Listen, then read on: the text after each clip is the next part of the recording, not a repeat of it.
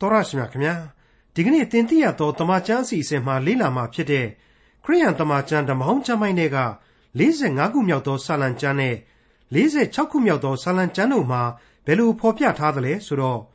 ထို့ကြောင့်ပထဝီမြေကြီးသည်ရွေ့သွား၍တောင်များတုန်လှုပ်လျက်သမုတ်တရားသို့ကျတော်လဲငါတို့သည်ကြောက်လန့်ခြင်းမရှိလို့ဖော်ပြထားပါတယ်။ထာဝရရှင်မြတ်စွာဘုရားသခင်ကိုယုံကြည်သူများရဲ့ရဲရဲရင်ရင် ဖွင့်ဆိုထားချက်ဖြစ်ပါတယ်။သင်ရင်ငရဲမလားပဲကောင်းကင်ဘုံမှာထာဝရစိုးစံရဖို့အတွက်ကယ်တင်ရှင်ဖြစ်တော်မူတဲ့သခင်ယေရှုခရစ်တော်ကိုယုံကြည်သူဒီကနေ့ခရိယန်တွေထဲမှာအဲ့ဒီလိုဘုရားရှင်အပေါ်ယုံကြည်သစ္စာရှိမှုရဲရင်ကြတဲ့သူတွေရှိကြပါတယ်။ဒါပေမဲ့လို့ကျွန်တော်တို့ရဲ့ဘေးပတ်ဝန်းကျင်ကိုလှည့်ပတ်ကြည့်ရှုလိုက်မယ်ဆိုရင်တော့အဲ့ဒီလိုရဲရင်တဲ့ခရိယန်တွေဘယ်နှယောက်ကိုတွေ့ရပါသလဲ။ဖြောက်မှတ်ခြင်းတရားကိုနှစ်သက်၍ မတရားသောအမှုကို မုန်းတော်မူသောဘုရားလို့ဖော်ပြထားတဲ့ခရိယန်တမန်ကျမ်းဓမ္မဟောင်းကျမ်းပိုင်းတွေက45ခုမြောက်သောစာလံကျမ်းနဲ့46ခုမြောက်သောစာလံကျမ်းတို့ကိုဒေါက်တာထွန်းမြတ်အေးကအခုလိုလေ့လာတင်ပြมาဖြစ်ပါတယ်။တင်ပြရသောတမန်ကျမ်းရဲ့မိတ်ဆွေတော်တတ်ရှင်အပေါင်းတို့ခမညာမိတ်ဆွေအပေါင်းတို့အတွက်ဒီကနေ့ဆာလံတီချင်းအမှတ်စဉ်45ဟာစောင့်စားနေပါတယ်။ဒီဆာလံတီချင်းဟာမေရှိယကယ်တင်ရှင်အနေနဲ့ ဣသရီလရှင်ဘရင်အဖြစ်ဒီမြေပေါ်မှာသူ့ရဲ့နိုင်ငံတော်ကိုတည်ထောင်ဖို့ကောင်းကင်ဘုံကနေပြီးတော့မြေကြီးပေါ်ကိုပြန်လဲကြွလာတော်မူမယ်ဆိုတာကိုဗျာဒိတ်ပြုပြီးသောကြံပဲဖြစ်တယ်လို့ကျွန်တော်ကြိုတင်ဖော်ပြခြင်းပါတယ်ဒီကျမ်းဟာအဲ့ဒီနီးအားဖြင့်မေရှိယဆာလံသို့မဟုတ် Messianic Psalm ဆိုပြီးတော့လူသားတွေခေါ်ဝေါ်ဖို့ဖြစ်လာပါတယ်အဲ့ဒီလို Messianic Psalm ဖြစ်တဲ့အတွက်ကြောင့်လေမေရှိယဆိုင်ရာဆာလံကျမ်းဖြစ်နေတဲ့အတွက်ကြောင့်လေ ဒီကျမ်းကြီးကိုခရစ်ဝင်ကျမ်းပေါင်းများစွာတို့ဟာအသုံးပြုသွားမယ်အထူးသဖြင့်ဟေပြဲဩဝါဒစာဟာဒီဆာလံတီချင်းကိုမေရှိယဆာလံအဖြစ်ဆက်လက်ကိုးကားဖော်ပြသွားအောင်မှာဖြစ်တယ်လို့ကျွန်တော်ကြိုတင်တင်ပြထားခြင်းပါလေရေးသားသူတို့ဟာတော့ကောရဤသားများဖြစ်ကြတယ်သူတို့တတ်ထားတဲ့ခေါင်းစဉ်ကတော့ to the chief musician upon Shoshanim ဆိုပြီးတော့ကျွန်တော်တို့နဖူးစည်းတတ်ထားတဲ့အကြောင်းကိုကျွန်တော်ဖော်ပြခြင်းပါလေ Shoshanim ဆိုတာဟာတော့တခြားမဟုတ်ပါဘူး နှင်းပန်းလီလီပန်းကလေးများကိုဆိုလိုခြင်းဖြစ်တယ်ဆိုပြီးတော့ကျွန်တော်တို့သိနာလေရပါတယ်အဲ့ဒီတော့တောနှင်းပန်းတို့ဤသခင်ဘုံတော်ဘွယ်ဆိုပြီးတော့ဒီဆာလံတီချင်းကိုခေါင်းစဉ်ပေးရင်ရနိုင်ပါလိမ့်မယ်သခင်ခရစ်တော်ကိုလွင်ပြင်ရက်၌ပွင့်လန်းသည့်နှင်းပန်းလို့တင်စားခဲ့တယ်လို့ရှာရုံဒေသဤနှင်းစီဆိုပြီးတော့လေတမန်ကျမ်းစာပညာရှင်တွေအတော်များများဟာအမိသတ်မှတ်ထားကြောင်းကိုဒီနေရာမှာကျွန်တော်အနေနဲ့ဘုဒ္ဓတဖြစ်ပွေထည့်သွင်းတင်ပြထားခြင်းပါလေ မိษွေအပေါင်းတို့ခမညာကယ်တင်ရှင်မေရှိယရဲ့ဒုတိယအကြိမ်မြောက်အောင်ပွဲခံ၍ကြွဆင်းခြင်းဟာယေရုရှလင်မြို့တော်ကြီးတဲ့ကိုမြဲကလေးနဲ့စီးပြီးတော့သူများတွေကတန်လင်ခွက်ကလေးတွေနဲ့ဝိုင်းပြီးတော့ဟောရှနဖြစ်စေတည်းဆိုတဲ့ပုံစံမျိုးဝင်ရောက်လာတဲ့ရှေးကာလတုန်းကအသေးခံရာယေရုရှလင်မြို့တွင်ဝင်ရောက်ခြင်းပုံစံမျိုးမဟုတ်နိုင်တော့ပါဘူးအလွန်တရာကြီးမားလာတဲ့မဟာတရားစီရင်ခြင်းအတွက်သာကြွဆင်းလာခြင်းဖြစ်တဲ့အလျောက် သမိုင်းမှာဘယ်တုန်းကမှလူသားတွေအိမ်မက်မမက်ခဲ့ဘူးတဲ့အေယာမအောင်ပွဲကြီးအတွက်ကြွဆင်းခြင်းဖြစ်တယ်ဆိုတာကိုကျွန်တော်ကြိုတင်သိထားဖို့လိုအပ်လာပါတယ်။ကြောင့်မို့လဲပြီးခဲ့တဲ့ဆာလံသီချင်းကညီးတွားမြည်တမ်းသံများစိတ်ဆင်းရဲကိုယ်ဆင်းရဲဖြစ်ခဲ့ရတဲ့အနှစ်သာရမျိုးတွေကိုအခုဆာလံသီချင်းမှာမတွေ့ရတော့ဘဲနဲ့မဟာအောင်ပွဲဂီတသံအဖြစ်ပြောင်းလဲသွားရစေလိမ့်မယ်လို့ကျွန်တော်ဆိုချင်ပါတယ်။ဒီအကြောင်းတွေကိုဗျာဒိတ်ကျမ်းအခန်းကြီး9နဲ့ရှင်မသက်ခရစ်ဝင်ကျမ်းအခန်းကြီး24 အငယ်29 30တို့ကခရစ်တော်ရဲ့ဩဝါဒစကားများတွေနဲ့လေပေါင်းစုလေးလာတိုက်တယ်လို့ဒီနေရာမှာကျွန်တော်တင်ပြခြင်းပါတယ်ဟုတ်ပါတယ်ကမ္ဘာလောကလူရွာအတွက်မျော်လင့်ချက်များကိုဒီဆာလံတီချင်းဟာဂုံမြောက်စွာဖော်ပြသွားမယ့်အကြောင်းကြိုတင်မိတ်ဆက်ပေးလိုက်ပါရစေ45ခုမြောက်သောဆာလံအငယ်1ငါစိတ်နှလုံးသည်မင်္ဂလာစကားနှင့်ပွက်ထလျက်ရှိ၍ငါစီရင်သောအရာကိုရှင်ဘရင်ရှေ့တော်၌မွတ်ဆိုပေအံ့ ငါရှာသည်လေလိမ္မာကျွန့်ကျင်သောစည်ရည်ဤကညစ်ဖြစ်ရ၏ရေးနေရတာကမှအာမလို့အာမရဖြစ်ရသေးတယ်ပျော့ပဲချလိုက်ချင်ပါတော့တယ်အဲ့ဒီအာမလို့အာမရခံစားရတဲ့သဘောကိုစာဆိုတော်ကြီးဟာထင်ရှားသိတာစေပါတယ်သူ့ရဲ့စိတ်နှလုံးဟာခံစားချက်တွေနဲ့ပြည့်သိမ့်နေတယ်သူ့ရဲ့ရင်တွင်းကပြောကျင်လှတဲ့ဆန္ဒတွေဟာအန်ထွက်လူမတက်အောင်ရှိနေရပါတယ်လို့ကောရာဤသားများလို့ယူဆရတဲ့ဆာလံဆရာတွေကနေပြီးတော့ ဆိုဖွဲ့လိုက်ခြင်းပဲဖြစ်ပါတယ်အခုအချိန်မှာတော့အငယ်နှစ်ကနေငါးအထိဖတ်ရှုရင်းနဲ့ဒီအပိုင်းကိုမေရှိယဤတကိုးတော်အကြောင်းဆိုပြီးတော့ခေါင်းစဉ်အမိပေးရှင်းလင်းသွားခြင်းပါလေနားဆင်ကြည့်ကြပါကိုတော်သည်လူမျိုးတဲ့အဆင်းလှပါ၏နှုတ်တော်သည်ကျေးဇူးစကားနှင့်ပြည့်စုံပါ၏ထို့ကြောင့်ဖျားသခင်သည်ကိုတော်ကိုအစဉ်အမြဲကောင်းကြီးပေးတော်မူ၏တကိုးကြီးသောအရှင်ဘုံအထရေတော်ဖြစ်သောကိုတော်ဤဓာကိုပေါင်တော်၌စီးတော်မူပါ တစ္ဆာတရားနူးညံ့ခြင်းတရားဖြောင့်မတ်ခြင်းတရားကြောင့်အထရေတော်ထင်ရှားလျက်အောင်မြင်၍စီးသွားတော်မူပါလက်ရလက်တော်လဲကြောက်မဲ့ဖွယ်သောအရာကိုကိုတော်အားပြပါလိမ့်မည်ရှင်ဘရင်ဤရန်သူတို့နှလုံးထဲမှာမြားတော်တို့သည်ထက်သည်ဖြစ်၍လူတို့သည်ခြေတော်အောက်၌လဲကြပါ၏အစင်းလှပါ၏ဆိုတဲ့အချက်ဟာရုပ်ရဲ့သဘောတရားဖြစ်ပါတယ်ကယ်တင်ရှင်သခင်ခရစ်တော်ရဲ့လူဘဝရုပ်လွှာဟာလူတွေကလူတော့မှန်နေဒါပေမဲ့ ချောမွေ့တင့်တယ်လိမ့်မယ်ခံညားထဲပါလိမ့်မယ်ဒီအချက်တွေကိုကျွန်တော်တို့ခံမှန်းလို့ရပါတယ်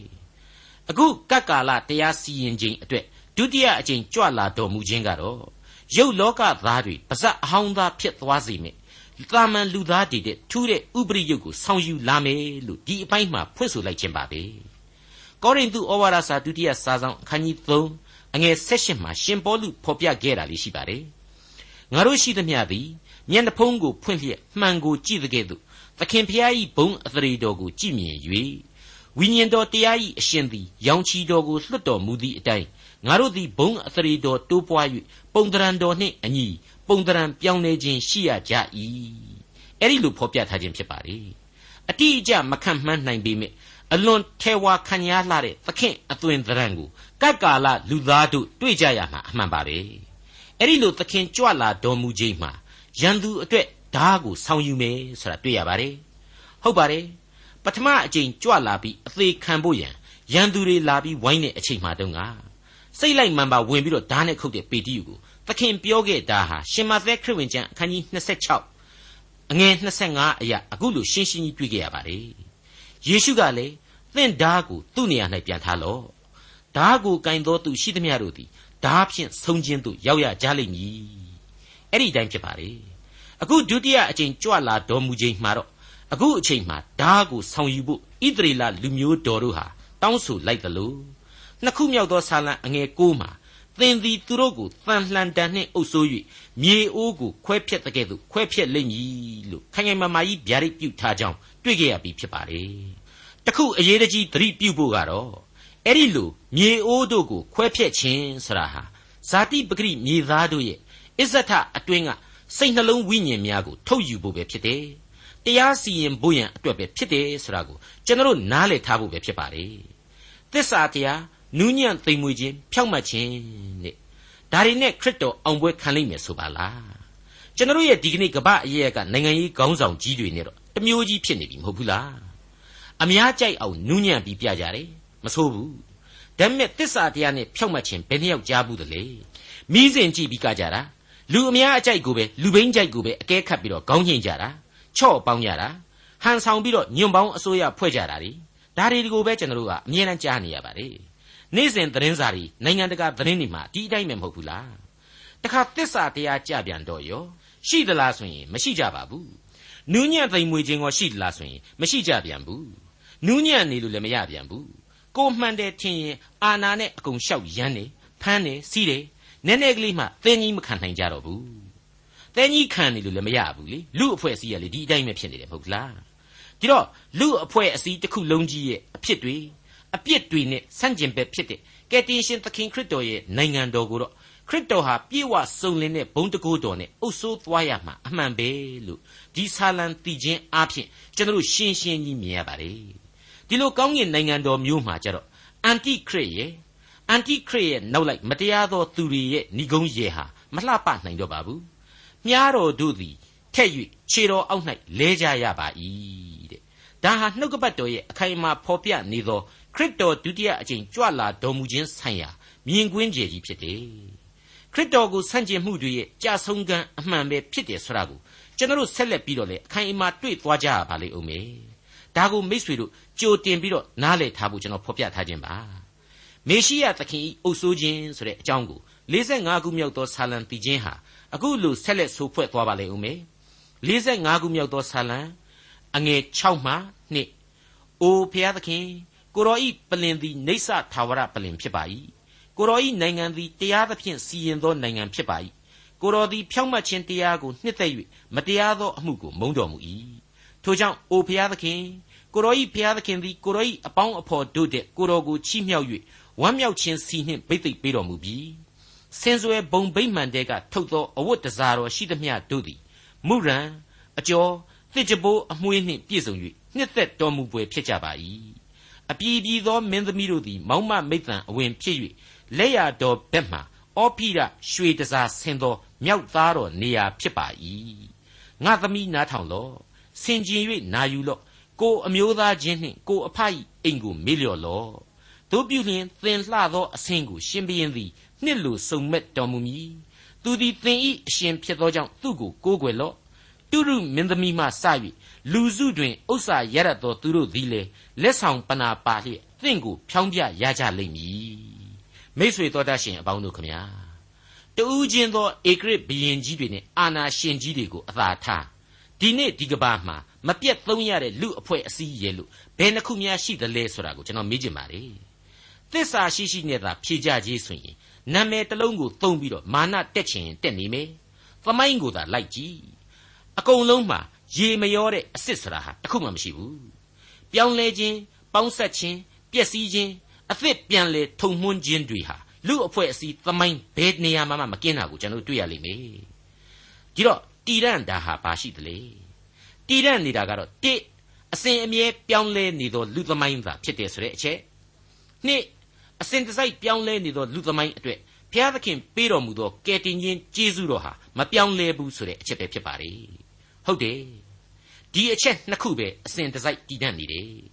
အခုကျွန်တော်ဖတ်ခဲ့တဲ့အထက်ကအငယ်30မှာငါသမီးနားထောင်လော့ဆင်ကျင်၍နာယူလော့ကို့အမျိုးသားချင်းနှင့်ကို့အဖကြီးအိမ်ကိုမေ့လျော်လော့ဆိုတာနဲ့ပတ်သက်ပြီးတော့ဒါဟာဒါဝိဒ်ကနေပြီးတော့သူယူခဲ့တဲ့မိဖုရားတွေကိုရည်ညွှန်းတာဆိုပြီးတော့တချို့ဓမ္မသူတေတီတွေကသတ်မှတ်ကြပါတယ် တချို့ကလည်းနှုတ်ကပတ်တော်ကိုပေါ့ပြက်စေတယ်ဆိုပြီးတော့ဝေဖန်ကြတာမျိုးကျွန်တော်ကြားဘူးပါတယ်အငယ်ဆက်နှစ်လဲရောက်ကြောအထူးပြောနေဖို့မလိုတော့ဘူးတုရုမင်းသမီးမှစ၍လူစုတွင်ဥစ္စာရရသောသူတို့သည်လေလက်ဆောင်ပနာပါလျက်သင့်ကိုဖြောင်းပြရမည်ဆိုတာကိုဖတ်ပြီးတော့အကုန်လုံးပက်လက်လန်ကုန်ကြပါလေရောပြီးတော့မှဒီဆာလံတီးချင်းဒီတပုတ်တော့သွားပြီတဲ့ဝိညာဉ်ရေးသဘောတွေအရှင်းမပါတော့ဘူးတဲ့အဲ့ဒီလိုဝေဖန်ကြတယ်မိတ်ဆွေအပေါင်းတို့ခမညာ ကျွန်တော်ကတော့ဒီအပိုင်းဟာဝိညာဉ်ရေးအနှစ်သာရတွေပါလိုက်သမှအကြီးအကျယ်ပါတယ်ဝိညာဉ်ခွန်အားတွေအပြည့်အဝပေးစွန်းနိုင်တဲ့အပိုင်းလို့အလေးအနက်ခံယူလိုက်ပါတယ်ဒါဝိမင်းကြီးတို့ရှောလမုန်မင်းကြီးတို့တွေဟာမိမတွေပျောက်တော့ယူတာလူမှုရေးအပြစ်တွေရှိခဲ့တယ်ဆိုတာကိုနှုတ်ကပတ်တော်ဟာတခါမှကောင်းတယ်လို့မပြောခဲ့ပါဘူးအဲ့ဒီလိုပါပဲကျွန်တော်သင်သိရသောသမာကျမ်းကလည်းတခါမှဒီမင်းကြီးတွေအဲ့ဒီကိစ္စမှာကောင်းတယ်ဆိုပြီးတော့ဘာသာမပြန်ခဲ့ပါဘူး အဲ့ဒီလိုမိမတွေပျောက်တော့ရှောက်ယူလို့လေသူတို့ဘဝတွေဟာကောင်းခဲ့သလားမေးရင်ကောင်းတဲ့အချက်လို့တကွက်မှမတွေ့ရပါဘူးဒါဝိမင်းကြီးဟာအဲ့ဒီမိမတွေများများယူပြီးတော့သားသမီးတွေများများမွေးအဲ့ဒီသားသမီးတွေကိုကောင်းကောင်းမဆုံးမနိုင်ပဲနဲ့အဲ့ဒီသားတွေတဲကပဲလူဆိုးသခိုးတွေဖြစ်ကုန်ပြီးတော့သူ့ပြန်တတ်ဖို့လှုပ်တာတွေနန်းလူခံရတာတွေနောက်ဆုံးအဲ့ဒီသားတွေသေကြကြေကြနဲ့ဒါဝိဒ်အိုကြီးအိုမရှိကမှမျက်ရည်ဖြိုင်ဖြိုင်ကြရတဲ့အဖြစ်တွေကိုကျွန်တော်တို့ ဓမ္မရာဆိုရင်သင်ခန်းစာတွေမှာအပြည့်အဝလေ့လာတွေ့ရှိခဲ့ရပြီးသားဖြစ်ပါတယ်အဲ့ဒီလိုပါပဲရှောလမုန်မင်းကြီးကြပြန်တော့လေအဲ့ဒီလိုအိမ်တောင်ရေးဖောက်ပြန်မှုတွေကနေပြီးတော့ဖျားသခင်ကိုယုံကြည်မှုအပြော့သွားခဲ့ရတာတိုင်းပြည်ကြီးနှစ်ချမ်းကွဲတဲ့အထိသိုးမွေတွေကိုဖြစ်စေခဲ့ရတဲ့အကြောင်းတွေကိုကျွန်တော်မေ့ထားလို့မရနိုင်ပါဘူး။ဒါဖြင့်အခုအပိုင်းမှာကို့အမျိုးသားချင်းကိုမေ့လျော့ကို့အဖအိမ်ကိုမေ့လျော့ဒီအချက်တွေဟာဘာကိုဆိုလိုသလဲဆိုတာအလေးအနက်စဉ်းစားဖို့လိုပါတယ်။ ရှင်းရှင်းပြောရရင်တော့အတိတ်ကာလရဲ့ဣသရေလသမိုင်းမှာကိုကမိခင်ကြီးတွေဟာတိုင်းတစ်ပါးသူတွေပါဝင်ခဲ့တယ်ဆိုရင်ဘယ်သူညင်းနိုင်မလဲ။ကျွန်တော်ပြောခဲ့တဲ့အတိုင်းပဲလူအဖွဲ့အစည်းမှာဘယ်တော့မှမူသေးမရှိဘူးအစ်စ်ဆိုတာဟာမရှိဘူးဆိုတဲ့အတိုင်းပဲရာခပ်ဆိုတဲ့ခါနန်သူရုသဆိုတဲ့မောဘလွင်ပြင်သူတို့ဟာဒီအမျိုးတွေကအဓိကအခေါင်အဖျားမှာကလေးကပါလာခဲ့ရပါတယ်အဲ့ဒီအတိုင်းပါပဲအခုဒါဝိဒ်ခင်မှာလေဟိတ်တိလူမျိုးဥရိယရဲ့မယားဘာသရှေဘဟာ နောင်တက်ရမယ်ဘယင်ရှောလမုန်ကိုဖွားမြင်ပေးရလိမ့်ဦးမယ်မထူးဆန်းဘူးလားအဲ့ဒီလိုမိမိတို့ကိုယ်တိုင်သိတဲ့အတိတ်ကိုစောင်းငယ်ပြီးတော့အနာဂတ်စီကိုတွေးဆရင်းနဲ့ဒီဆာလံပြီးချင်းဒီအပိုင်းတွေဟာဖြစ်ပေါ်လာတော့တာပါပဲတို့ပြုလျင်သင်ဤလှသောအစင်းကိုရှင်ဘရင်သည်နှစ်လိုတော်မူမည်တဲ့အဲ့ဒီအတိုင်းပဲကယ်တင်ရှင်သခင်ခရစ်တော်ဟာအသင်းတော်ကိုသူ့ရဲ့သတို့သမီးကညာလိုပဲနှစ်သက်မြတ်နိုးခဲ့တယ်ဆိုတာကို ကျမ်းအဆက်ဆက်မှတွေ့သွားရမှာဖြစ်ပါတယ်45ခုမြောက်သောဆာလံအငယ်73မှ18ရှင်ဘရင်ဤသမီးတော်သည်အတွင်း၌ဂုံအသရေတက်တက်ရှိ၏ရွှေဖြင့်ချဲလှဲသောအဝတ်တစားကိုဆင်၏ဇာနှင့်ကာလျက်ရှင်ဘရင်ထံသို့ဆောင်ခဲ့ရ၏နောက်လိုက်သောအပေါင်းအဖော်အပြိုတော်များကိုလည်းကိုတော်ထံသို့သွင်းရလိမ့်မည်ဝမ်းမြောက်ရွှင်လန်းသောအချင်းအရာနှင့်ဆောင်ခဲ့၍ရှင်ဘရင်ဤနန်းတော်သို့ဝင်ရကြလိမ့်မည် ကိုတော်ဤအဖများကိုစားသားများကိုရ၍မြေကြီးတပြင်လုံးတွင်မင်းအရာ၌ခံထားတော်မူလိမ့်မည်အကျွန်ုပ်သည်ကိုတော်ဤနာမကိုလူမျိုးအစဉ်အဆက်အောက်မေ့ကြော်စောစေသဖြင့်လူမျိုးတို့သည်ကဘာအဆက်ဆက်ကိုတော်ကိုချီးမွမ်းကြလက်တံ့တည်းပရိသရစ်ခေရဲ့နန်းတော်တွင်မြင်ကွင်းလို့ဆိုခြင်းဆိုနိုင်ပါတယ်တစ်ချိန်တည်းမှာလူသားရဲ့မျက်စိနဲ့မမြင်ရတဲ့ invisible church ခေါ် ခရစ်တော်အထူးမျက်နှိုးချစ်ခင်သောအသင်းတော်ကယုံကြည်သူတို့ဟာခရစ်တော်သခင်နဲ့အတူကပ်ကာလအောင်ပွဲကြီးများကိုကြုံဆုံရပြီးတော့ကဘာအဆက်ဆက်ဖျားသခင်ရဲ့ဘုံတကိုးတော်အကြောင်းကိုချီးမွမ်းထောမနာပြုသွားကြမှာဖြစ်တဲ့အကြောင်း45ခုမြောက်သောဆာလံဟာကြိုတင်ဗျာဒိတ်ပြုဖော်ပြလိုက်ခြင်းဖြစ်ပါတယ်မိတ်ဆွေအပေါင်းတို့ခမညာအခုအချိန်မှဆိုရင်ကျွန်တော်တို့ဟာ46ခုမြောက်သောဆာလံသိချင်းကိုဆက်လက်လေ့လာသွားကြဖို့ရှိပါတယ် ဒီဆာလံနဲ့နောက်ထပ်ဆာလံနှစ်ပုဒ်တို့ရဲ့ဟာမြေပေါ်မှာတီထောင်မဲ့ကောင်းကင်နိုင်ငံတော်အကြောင်းကိုကြိုတင်ဗျာဒိတ်ပြုနေမှာဖြစ်ပါတယ်အခု46ခုမြောက်သောဆာလံကိုခေါင်းစဉ်အရ To the chief musician for the sons of Korah the song upon Elamoth ဆိုပြီးတော့ဖော်ပြထားတာကိုတွေ့ရပါတယ် Elamoth ဆိုတာဟာအပြိုကညာလို့အဓိပ္ပာယ်ရှိပါတယ်အဲ့ဒီအထက်က Elma ဆိုတာကြတော့ဟေရှာယအနာဂတိကျမ်းအခန်းကြီး9အငယ်14အရာအခုလိုတွေ့ရပါတယ် ကြည့်ရှုလောသူတို့သမီးကညာသည်ပရိသေဆွဲယူ၍သားယောက်ျားကိုဖွားမြင်လက်တံထိုသားကိုအေမာနွေလအမည်ဖြင့်မှဲ့ရလက်တံအဲ့ဒါဟာခရစ်တော်ဖွားမြင်ခြင်းဆိုင်ရာဗျာဒိတ်တော်အကြောင်းပဲမထူးဆန်းဘူးလားသူတို့သမီးကညာဤဝန်းမှာပရိသေဆွဲယူပြီးသားယောက်ျားကိုဖွားမြင်လက်တံတဲ့ကယ်တင်ရှင်သခင်ခရစ်တော်အကြောင်းကိုပြောင်ပြောင်တင်းတင်းကြီးဗျာဒိတ်ပြလိုက်တာပါပဲဒီတော့ ဒီတည်ခြင်းဟာကောရရဲ့သားများကဆက်ဆူတာတော့မှန်တယ်တီဆိုပေးရဒါကတော့ဣသရေလမိမပြူကလေးများဖြစ်ရလိမ့်မယ်ဟိုးအတိတ်ကာလတုန်းကပင်လယ်နီကြီးကိုဖြတ်ကျော်ပြီးတော့အဲဂုတ်ထုရန်သူတွေရဲ့လက်အောက်ကနေလွတ်မြောက်အောင်ပွဲခံအပြီးမှာမိရိအန်လို့အမည်ရှိတဲ့မောရှေရဲ့အမကဥဆောင်ပြီးတော့ကယ်တင်ရှင်ကျေးဇူးတော်ကိုတီဆိုထောမနာပြုခဲ့တဲ့အတိုင်းအောက်မေ့ပွဲဖြစ်ရစေလိမ့်မယ်လို့ကျွန်တော်ဆိုချင်ပါတယ်ဘုရားသခင်ကသူ့နေရာနဲ့သူသုံးတဲ့သဘောလေ မောရှေဆိုတာကလူမျိုးတော်ကြီးကိုခေါင်းဆောင်ပေးမယ်အဲ့ဒီလိုတည်ခြင်းဆိုတဲ့နေရာမှာကျတော့မစွန့်ဘူးဒါကြောင့်မလို့သူ့အမကြီးကို तू ကအမကြီးအမကြီးကွာရာဆိုပေးဗျာဆိုပြီးတော့တောင်းဆိုခဲ့ရတဲ့သဘောပါပဲတကိုးကြည့်တော်မူသောဘုရားသခင်ကုမခြင်းဆိုပြီးတော့ခေါင်းစဉ်သတ်မှတ်ရင်းနဲ့စတင်နားဆင်ကြည့်ကြပါစို့46ခုမြောက်သောဆာလံပြီးခြင်းအငယ်1မှ9ဘုရားသခင်သည်ငါတို့ခိုလှုံရာဖြစ်၍ခွန်အားကိုပေးတော်မူ၏ ဘေးရောက်သည့်ကာလအထူးသဖြင့်ကုမတော်မူကြောင်းထင်ရှားလျက်ရှိ၏ထို့ကြောင့်ပထဝီမြေကြီးသည်ရွေ့သွား၍တောင်များတုန်လှုပ်လျက်သမုတ်တရားသို့ကျတော်လေငါတို့သည်ကြောက်လန့်ခြင်းမရှိသမုတ်တရားရည်သည်ဟုံးဟုံးမြည်၍မှွေနှောက်ပါလိစေလှိုင်းတဘိုးထသဖြင့်တောင်များတုန်လှုပ်ပါလိစေမြစ်တမြစ်ရှိသေး၏ထိုမြစ်သည်စီး၍ဘုရားသခင်၏မြို့ကြီးဟုသောအမြင့်ဆုံးသောဘုရားကျင်းဝတ်တော်မူရာတန်ရှင်းသောမြို့တော်ကိုရှင်လန်းစေတတ်၏ ထိုမြို့သည်ဘုရားသခင်ကျင်းဝတ်တော်မူရာဖြစ်၍တုန်လှုပ်ခြင်းမရှိရာမိုးသောလင်းစား၌ဘုရားသခင်ကူမတော်မူလိမ့်မည်ဣသရေလလူမျိုးတို့အဖို့ဗျာဒိတ်တွေအနာဂတ်တွေဆရာဟာအတိတ်သမိုင်းကလေးကရှိခဲ့ပြီးတော့ရှိခဲ့တဲ့အတိုင်းလေပြည့်ဝစုံလင်ခဲ့တယ်ဒါတွေဟာထင်ရှားစွာမြင်ရတဲ့သက်သေတွေပဲဖြစ်တယ်ဆိုတာဟာမငြင်းနိုင်ပါဘူးကို့အပြစ်နဲ့ကိုဘေးရောက်ခဲ့ရတာပတ်ဝန်းကျင်တိုက်ခိုက်မှုတွေကြောင့်ဘေးရောက်ခဲ့ရတာ အန်ဒီယရီရင်ဆိုင်ခဲ့ရတာစသဖြင့်အမျိုးမျိုးသောဘေးတို့ကိုရင်ဆိုင်ခဲ့ရတယ်ဒါပေမဲ့အဲ့ဒီဘေးအန္တရာယ်ကြီးကြားတဲ့ကပဲစားတော့ခွင့်နားနေခွင့်အောင်မြင်ခြင်းအခွင့်တွေကိုဘုရားသခင်သူတို့ကိုပေးသနာခဲ့ပါလေဒါဟာသူတို့မတိုင်ခင်နှစ်ပေါင်းမြောင်များစွာကတည်းကဘိုးဘေးတွေမှာဘုရားသခင်ပေးတော်မူခဲ့တဲ့ဗျာဒိတ်တွေပြည့်စုံခဲ့ရခြင်းမဟုတ်ဘူးလားဒီအတိုင်းပဲပေါ့ကကာလကုံဆုံးခြင်းထိအောင်လေဘေးအန္တရာယ်များနဲ့အတူကယ်တင်ရှင်ဂျေဇုတော်ကို ရွေးကောက်တော်မူသောလူမျိုးတော်ဟာခံစားသွားကြရအောင်မှအမှန်ပဲဖြစ်တယ်ဆိုတာကိုဖော်ပြလိုက်ပါတယ်ပထဝီမြေကြီးသည်ရွေ့သွား၍တောင်များတုန်လှုပ်လျက်သမုတ်တရားသို့ကျတော်လေတဲ့အဆိုးဆုံးနဲ့အကြီးဆုံးဒုက္ခကြီးပဲဆိုတာရှင်းနေပါလေအခုနေမိษွေတို့ကျွန်တော်တို့ရဲ့ခြေထောက်အောက်ကမြေကြီးရုတ်တရက်ရွေ့သွားရင်ဘယ်နဲ့လုပ်ပါမလဲခက်ပြီလေအကုန်လုံးလေဟာပြင်ခကြီးမှာတန်လန်းကြီးတွေဖြစ်ကုန်တော့မဟုတ်ဘူးလားဘလောက်ရီးဖို့ကောင်းမလဲအဲ့ဒီလိုပဲပေါ့ ဖန်ဆင်းခြင်းတုန်းကရေကိုစုဝေးစေရေမှကုန်းပေါ်စေဆိုတာကိုဘုရားသခင်ပြောင်းပြန်ပြန်လုပ်နိုင်တာကိုတွေ့ရတယ်တောင်တွေဟာအကုန်လုံးရေအောက်ပြန်ရောက်နိုင်တဲ့နောဤခေတ်တုန်းကတည်းဆယ်ပြန်ဆိုးကုန်ပြီမဟုတ်ဘူးလားပြုတ်ပြုတ်ပြပြုတ်နဲ့အကုန်ရေအောက်ကိုရောက်သွားနိုင်တယ်ဆိုတဲ့သဘောပဲအဲ့ဒီလောက်ကြီးမားတဲ့ဒုက္ခကြီးတွေဟာဖြစ်နိုင်တဲ့ဒုက္ခတွေပထဝီမြေကြီးတွေရွေ့သွား၍တောင်များတုန်လှုပ်လျက်သမုတ်တရားသို့ကျတော်လေဆိုပြီးတော့ဆာလံဆရာဟာဗျာဒိတ်ပြုထားပါတယ် ဒါပေမဲ့ရွေးကောက်တော်မူသောလူမျိုးတော်တွေကဘုရားသခင်ဘက်တော်သားတွေအဲ့ဒီကပ်ကာလလူသားတွေတဲကကယ်တင်ရှင်သခင်ခရစ်တော်ကိုယုံကြည်သူတွေဟာဘုရားသခင်မြို့တော်မှာရှင်သန်ခွင့်ရရှိမယ်ရေကြိုစီးဆင်းတဲ့မြစ်တစင်းနားမှာအသက်ရေကိုတောက်ရမယ်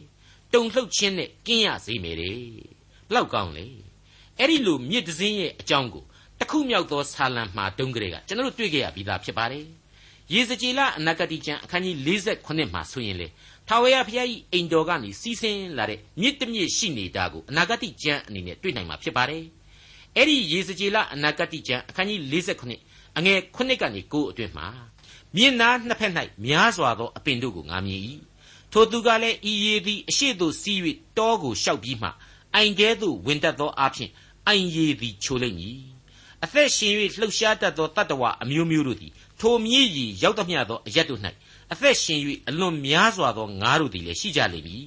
ထိုမြည်ရည်သည်ချိုသောကြောင့်ရောက်တတ်သမျှသောအရရက်တို့၌တတ္တဝအမျိုးမျိုးတို့သည်အသက်ရှင်ကြလိမ့်မည်တဲ့အဲ့ဒီအတိုင်းပါပဲဗျာဒိကျမ်းအခန်းကြီး22အငယ်1မှာတဖန်ကြောက်တလင်းကဲ့သို့ကြည်လင်၍ဖျားသခင်နှင့်သိုးတငယ်ဤပလင်တော်အထဲကထွက်သောအသက်ရည်စီးရမြစ်ကိုကောင်းကင်တမန်သည်ငါအားပြလေ၏အဲ့ဒီလိုဖော်ပြထားပါတယ် ခရစ်တော်ကနေပြီးတော့မင်းတို့ကိုလူကိုမြှားသောတငါငါဖြစ်စေမည်ဆိုပြီးတော့အမိန့်ပေးခဲ့တာအခုဖော်ပြခဲ့တဲ့အတိုင်းအနာဂတ်ကျမ်းကအသက်မြည်ရည်တွေထဲမှာအရရက်ကငါးတွေအသက်ရှင်ခွင့်ရကြလိမ့်မယ်ဆိုပြီးတော့ဖော်ပြထားတာတွေဟာဆိုရင်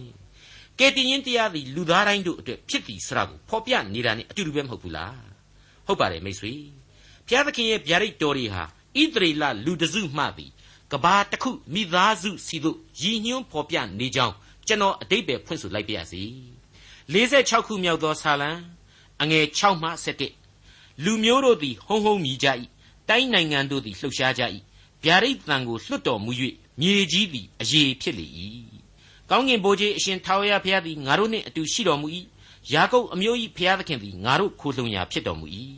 ထာဝရဘုရားစီရင်ပြုပြင်၍မြေကြီးပေါ်မှသုတ်သင်ပယ်ရှင်းခြင်းအမှုတော်များကိုလာ၍ကြည့်ရှုကြလော့ လေးကိုချိုးလျက်လှံကိုအပိုင်းပိုင်းဖြတ်လျက်ယထာကိုမိရှုလျက်မြေကြီးစွန်းတိုင်အောင်စစ်မှုကိုငြိမ့်စေတော်မူ၏ငြိမ်ဝတ်လျက်နေကြလော့ငါကဘုရားသခင်ဖြစ်သည်ဟုသိမှတ်ကြလော့လူမျိုးတို့တွင်ငါသည်ဘုံပွင့်မည်မြေကြီးပေါ်မှာဘုံပွင့်မည်ကောင်းကင်ဘိုးကြီးအရှင်ထာဝရဘုရားသည်ငါတို့နှင့်အတူရှိတော်မူ၏ယာကုပ်၏ဘုရားသခင်သည်ငါတို့ခိုလှုံရာဖြစ်တော်မူ၏လက်ညှိုးတော်အလုတ်ဟာ စัจ java လာအနန္တကိုချက်ချင်းအသစ်ဖြစ်ပေါ်စေသလိုဗျာဒိတ်တော်အမိန့်တစ်ချက်ထဲနဲ့လေအကုန်လုံးဝရုံသုံးကားတွေဖြစ်ကုန်နိုင်တယ်ဆိုတာတွေ့ရပြီပထဝီမြေကြီးဟာအရေးပျော်ကျသွားနိုင်တယ်ဆိုပါလားဟုတ်တယ်သမိုင်းမှတ်တိုင်ပေါင်းများစွာမှာဒီအတိုင်းကိုတော်ပြုတ်ခဲ့ဘူးတယ်ဆိုတာကိုကျွန်တော်တို့ဘယ်သူမှမငြင်းနိုင်ပါဘူးမြို့ကြီးတစ်မြို့ကနေတိုင်းပြည်ကြီးတစ်ပြည်ပြည်ကြီးတစ်ပြည်ကနေပြီးတော့ကမ္ဘာလူအဖွဲ့အစည်းကြီးတစ်ခုလုံးအထိကိုယ်တိုင်ဖျက်ဆီးခဲ့တာတွေကိုသမိုင်းထင်ရှားပြတ်သားစွာတွေ့ကြရကြားခဲ့ရပြီးပါပြီ လူသားတို့ဘာဆိုဘာမှမတတ်နိုင်ပါဘူးမတတ်နိုင်မှန်းသိလို့လေကဲတင်ချင်းဂျေဇူးဆိုတဲ့အခြေခံလူအခွင့်အရေးကိုဘုရားသခင်ပေးထားပါတယ်သူ့ကိုအာကိုခိုးလှုံကြဖို့ညွှန်ကြားထားပါတယ်ကျွန်တော်ညင်းပယ်ကြမလားလက်ခံကြမလားအဲ့ဒီလိုအနာဂတ်ကာလမှာကိုတော်ရှင်ပြုနိုင်တဲ့အမှုတွေကိုဆာလံဆရာကနေတဆင့်ဗျာဒိတ်ပြုတော်မူရမှာကျွန်တော်စောပိုင်းကပြောခဲ့တဲ့အတိုင်းမြေကြီးကိုရွေ့သွားစေနိုင်တယ် ဒါမှမဟုတ်ရင်သူဖော်ထုတ်ခဲ့တာကိုပြန်ပြီးတော့ရေအောက်ကိုဇွတ်ခနဲ့မြုပ်နှံပစ်နိုင်တယ်ဒါမှမဟုတ်ရင်လေအရေတွေအကုန်ပျော်ကျသွားအောင်လုပ်နိုင်တယ်စသဖြင့်တွေ့ရတဲ့အခါကျတော့အမှတ်တမဲ့သူကိုယ်တိုင်ပဲနျူကလ িয়ার အင်အားတွေကင်ဆွဲအသုံးပြုမှာလားပင်ပင်ပန်းပန်းလုပ်နေရအောင်မှာလားဆိုပြီးတော့တွေးเสียတောเสียတွေရှိလာပါတယ်ဖျားသခင်အဖို့ဘာမှမပင်မပါဘူးကျွန်တော်ဆိုခဲ့တဲ့အတိုင်းပဲဗျာဒိတ်တော်နဲ့စေတလုံးနဲ့အရာရာတို့ဟာတိဆောက်ခြင်းပျက်စီးခြင်းရှိကိုရှိနိုင်ပါတယ် ဟုတ်ပါတယ်လေးကိုချိုးလျက်လှံကိုအပိုင်းပိုင်းဖြတ်လျက်ယယထာကိုမိရှုလျက်မြေကြီးစွန်းတိုင်အောင်စစ်မှုကိုငြိမ့်စေမည်လို့ဖော်ပြထားပြီးပြီကိုယ့်ရဲ့ရုပ်ဝတ္ထုအင်အားတွေကိုအထင်မကြီးကြပါနဲ့အာမကိုကြပါနဲ့ဘုရားသခင်ဘက်မှာကိုရှိနေဖို့သာလျှင်လိုပါတယ်ယုံကြည်ခြင်းနဲ့ချင်းကပ်တိုးဝင်ကြဖို့သာရှိပါတယ်ဒီနေရာမှာနေပုခတ်နေစာဆိုတဲ့ဘာဘူးလုံကဘုရားသခင်ကိုမသိတဲ့ရှင်ဘရင်ကြီးရဲ့အိမ်မက်ကိုပ ရောဖက်ဒံယေလအတိတ်ပဲပြန်ခဲ့တဲ့အကြောင်းကလေးကိုကျွန်တော်တွားရောက်စဉ်းစားမိပါတယ်ဖျားသခင်ရဲ့စီရင်တော်မူခြင်းနဲ့ပတ်သက်လို့အလွန်အတိတ်ပဲလေးနဲ့လွန်အားကြီးတဲ့အတွက်ကြောင့်မိษွေတို့ကိုကျွန်တော်ဒီအပိုင်းလေးကိုဒံယေလအနာဂတိကျမ်းမရောက်ခင်မှာကြိုတင်ပြီးတော့ကြားနာစီခြင်းလှပါတယ်ဒံယေလအနာဂတိကျမ်းအခန်းကြီး2အငယ်44 45လက်နှင့်မထုမလုတ်ဖဲကြောက်တလုံးသည်တောင်ပေါ်ကအလိုလိုပဲ့ကွာ၍ တန်ကြေးဝသရွတ်ငွေရွှေတို့ကိုချိုးဖဲ့သည်ကိုမြင်တော်မူသည့်အကြောင်းအရာမှာပျက်စီးခြင်းသို့မရောက်နိုင်သောနိုင်ငံတစ်ခုကိုထိုဘရင်မင်းကြီးများလက်ထက်၌ကောင်းကင်ဘုံရှင်ဘရင်ဖျားသခင်သည်တည်ထောင်စေတော်မူမည်အတိတ်ဘယ်ကတော့ဖျားသခင်အဖို့လူတွေရဲ့လက်နဲ့ကရိယာဘာမှမလိုပဲအရာရာကိုချိုးဖဲ့ပြစ်နိုင်တယ်ဆိုတဲ့အတိတ်ပဲပါပဲမိษွေတော်တတ်ရှင်အပေါင်းတို့ခမညာငြိမ်ဝတ်လျက်နေကြလော့ငါကဖျားသခင်ဖြစ်သည်ဟုသိမှတ်ကြလော့ လူမျိုးတို့တွင်ငါသည်ဘုံပွင့်မည်မြေကြီးပေါ်မှဘုံပွင့်မည်ကောင်းကင်ဘိုးကြီးအရှင်ထာဝရဘုရားသည်ငါတို့နှင့်အတူရှိတော်မူ၏ယာကုပ်၏ဘုရားသခင်သည်ငါတို့ခိုလှုံရာဖြစ်တော်မူ၏